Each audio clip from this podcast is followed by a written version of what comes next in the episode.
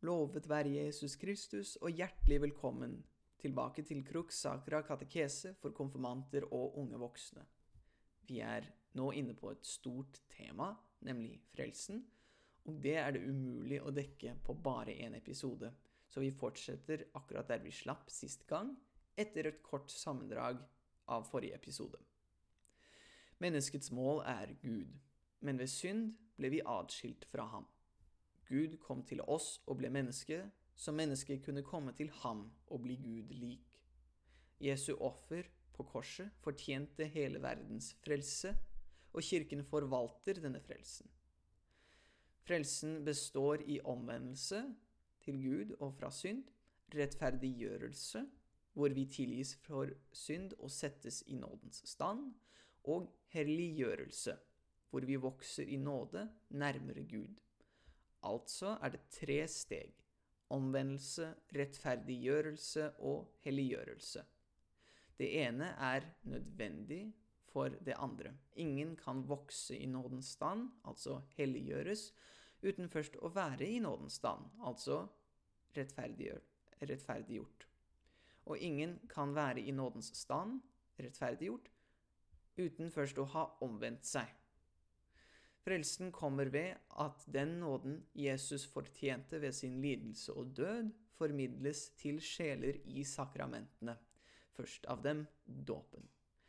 Selv før rettferdiggjørelse ved dåp må de som er gamle nok til å tenke på egen hånd, også få nåde av Gud til å vende seg om fra sitt gamle liv og søke Gud med oppriktig tro og tillit til ham. Nå har jeg brukt ordet nåde svært mange ganger, men jeg har enda ikke sagt akkurat hva det er. Så hva er nåde?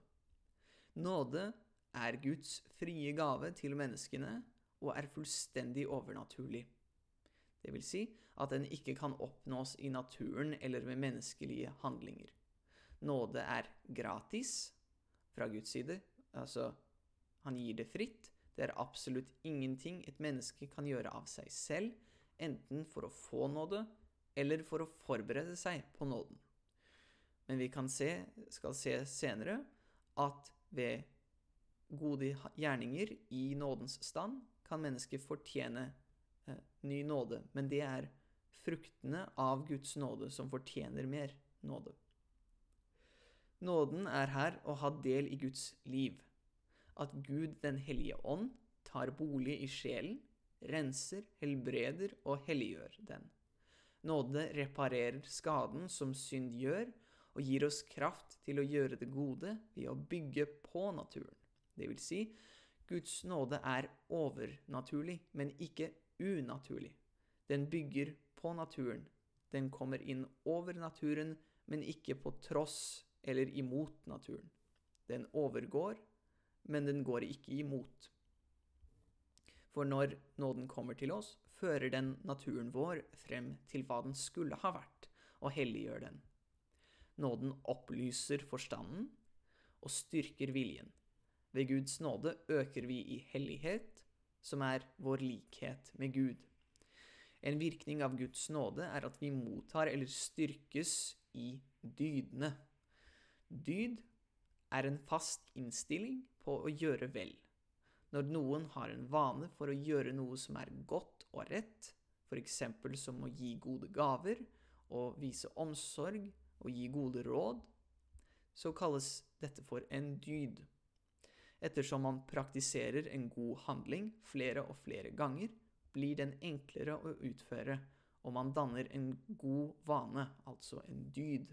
Det gode blir lett. Det finnes mange dyder, og mange måter å dele dem inn på, men vanligvis sier vi at det er syv hoveddyder. Fire kardinaldyder, eller naturlige dyder, og tre teologiske dyder. De fire kardinaldydene er klokskap, rettferd, mot og måtehold. Og de tre teologiske dydene er tro, håp og kjærlighet. Ordet kardinal i kardinaldyder kommer av latin og har samme betydning eller lignende som hengsel eller aksel eller knagg eller krok. Det vil si, eh, når noe kalles kardinal, betyr det at alt annet eh, avhenger eh, henger fast på det, som en krok.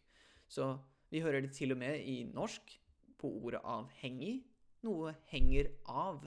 Det henger fra eller henger fast på. Så eh, vi kan kalle det på en veldig fornorsket måte eh, knaggdydene eller kardinaldydene. For alle dyder er avhengig av dem. Og det er klokskap, rettferd, mot og måtehold. Klokskap er egenskapen til å se og velge det beste gode i enhver situasjon. Rettferd er å gi til Gud og sin neste det de fortjener av oss. Eh, mot er en utholdenhet i møte med fare og vanskeligheter. Og måtehold er selvkontroll som regulerer bruk av skapte goder. Kardinaldydene, de naturlige dydene, eller knaggdydene som vi nå har kalt dem, kan vi selv oppnå ved streng disiplin og øvelse. Disse fire dydene er det viktig å avansere i for at det skal bli enklere å gjøre Guds vilje. Men, eh, eh og de kan styrkes ved nåden, eh, men de kan også oppnås uavhengig av nåden. Men så er det de teologiske dydene tro, håp og kjærlighet. Tro er å godta med visshet alle sannhetene i Guds åpenbaring. Håp er en tillit til at Guds allmakt og godhet kan frelse oss fra det onde. Og kjærlighet er dyden som gjør at vi elsker Gud over alle ting og vår neste for Guds skyld. Kjærlighet er å ville den andres gode. De teologiske dydene, i motsetning til naturdydene, kan vi verken oppnå eller vokse i uten Guds overnaturlige hjelp, uten Guds nåde. De gis til oss eh, av Gud som fri gave i dåpen og i de andre sakramentene, og vi må eh, be ham om å styrke oss i disse gavene. Alle de tre, tro, håp og kjærlighet, er helt nødvendige for frelsen. Tro alene er ikke nok. For tro som ikke har håp og kjærlighet, er en død tro. For det er ved håp at troen har noen betydning for handling, og det er ved kjærlighet at troen våkner til liv. Så kan vi ikke ignorere eh, de naturlige dydene heller. Vi må søke dem. Eh, men den aller viktigste dyden, den som sammenfatter alle de andre, er kjærligheten. Caritas, dydenes dronning. Apostelen Paulus sier om jeg taler med menneskers og englers tunger, men ikke har kjærlighet, da er jeg bare drønnende malm eller en klingende bjelle om jeg har profetisk gave, kjenner alle hemmeligheter og eier all kunnskap, om jeg har all tro så jeg kan flytte fjell, men ikke har kjærligheten, da er jeg intet. Om jeg gir alt jeg eier til brød for de fattige, ja, om jeg gir meg selv til å brennes, men ikke har kjærlighet, da gagner det meg intet. Kjærligheten er tålmodig, kjærligheten er velvillig, den misunner ikke, den skryter ikke, er ikke hovmodig. Den gjør ikke noe usømmelig. Den søker ikke sitt eget, blir ikke oppbrakt og gjemmer ikke på det onde. Den gleder seg ikke over urett, men har sin glede i sannheten. Og så sier han, så blir de stående, disse tre, tro, håp og kjærlighet, men størst blant dem er kjærligheten. Kjærligheten, å sette Guds vilje og andres beste først, over selv sitt eget liv, det er det den kristne kalles til. Og kjærligheten krever tro, så klart, fordi du kan ikke elske noen du ikke tror på. Og den krever håp, for det er eh, ikke vits i å prøve å, å handle godt om du ikke tror at det er håp om frelse. Så er altså eh, tro fullstendig nødvendig for frelsen. Eh, la meg ikke, ikke bli misforstått. Tro er absolutt nødvendig, men den er ikke tilstrekkelig. Vår tro må settes ut i livet. Den må leves i håp og kjærlighet. Guds ord er ikke bare i bøker, det ble kjød i en levende person, Kristus, vår Herre. Derfor må ordet tas imot av oss. Guds ord må tas imot på en levende måte, ikke bare på det intellektuelle, som man gjør med tro, men også i hele måten vi lever på. Vi må la Guds ord forme hele vårt liv. For Kristus døde ikke for at vi skulle kunne holde på som før. Han døde ikke for å ta bort alle konsekvenser av synd, så vi kunne fortsette å gjøre som vi hadde gjort før. Han døde ikke for at vi kunne tro rett, men fortsette i vår fordervelse. Han døde så synden skulle dø i oss. Han døde ikke så vi skulle erklæres rettferdige for Faderens åsyn, men så vi skulle være rettferdige for ham, på en virkelig måte. Og det krever Guds nåde og vårt svar, i tro, i håp og i kjærlighet. Så hvordan leves troen ut? Ved gode gjerninger gjort i nådens stand, ved å motta nåde ved sakramentene, ved å be til Gud, ved å gå til messe, ved å elske Gud og sin neste i alt, ved å praktisere dyd og gjøre godt og å unngå ondt. Dette tar et helt liv, tar lang tid. Helliggjørelse er gradvis. Helliggjørelse er på en, på en side å legge av seg syndige vaner, dvs. Si å kjempe mot det onde, og på den andre side å legge til gode vaner og kjempe for å vinne, vinne det gode. Og begge disse er viktige. Hvis vi begår en dødssynd, faller vi fra nådens stand og mister nåden. Vi vender oss bort fra Gud. Bare ved nåde kan vi igjen omvende oss og oppsøke tilgivelse i skriftemålet. Når vi får absolusjon, løses vi på nytt fra syndens lenker og blir gjeninnsatt i nådens stand.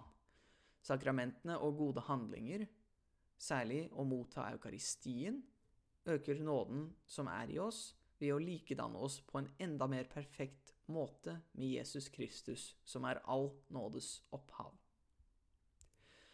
Gode gjerninger, ja, det sa jeg. Hva er gode gjerninger? Gode gjerninger er å handle etter Guds lov og Guds vilje for oss. Loven er de to kjærlighetsbud og de ti bud.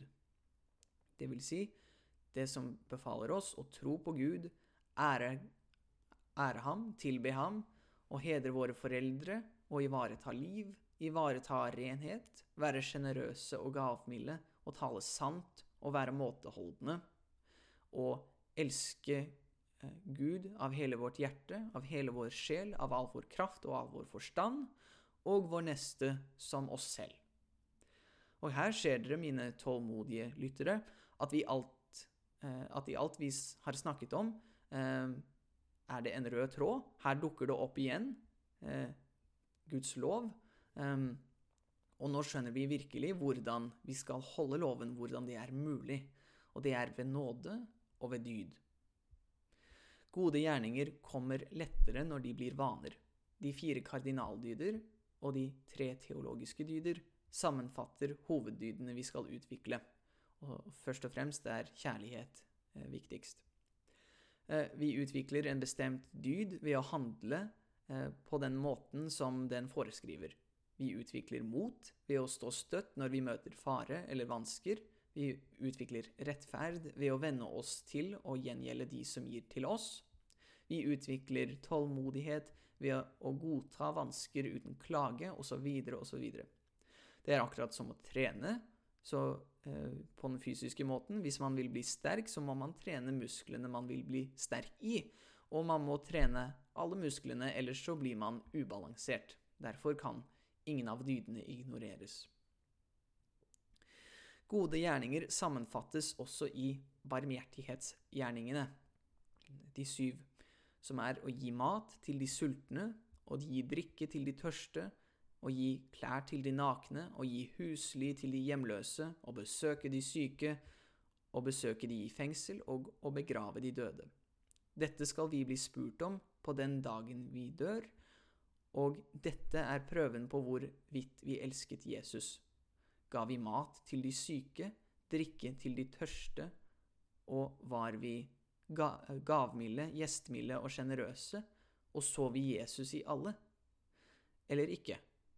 Det er ikke han som hører, men den som gjør etter loven, som blir frelst. Og Jesus sier til oss, ikke enhver som sier til meg, Herre, Herre, skal komme inn i himlenes rike, men den som gjør min himmelske Fars vilje. Alt handler derfor om å leve som Kristus i kjærlighet til alle og å være villig til å ofre seg selv for andre. Gode handlinger består i å sette andre først og tjene Guds vilje eller sin egen, å se Jesus i alle mennesker og å behandle dem som om han var dem. Husk på at det er dette du ble skapt til, at det er dette du ble født for, å tjene Gud, ikke deg selv. Vær tilfreds med det Gud gir deg, og husk at du fortjener stort verre. Lev hver dag som var det din siste før du skulle stå for Guds trone og gjøre regnskap for hvordan du brukte ditt liv og dine talenter. Gi slipp på kortvarige, gleder og små uviktige mål, men vend blikket mot Gud og himlenes herlighet, og da vil selv den bitreste lidelsen på jorden være full av fred og lykke, for du vil vite hvor din skatt er. Du vil ikke rokkes av regn og storm, for ditt hus er bygget på fjell, en klippefast borg. Du lar deg ikke uroe av noe, for du vet at alt er i Guds hender.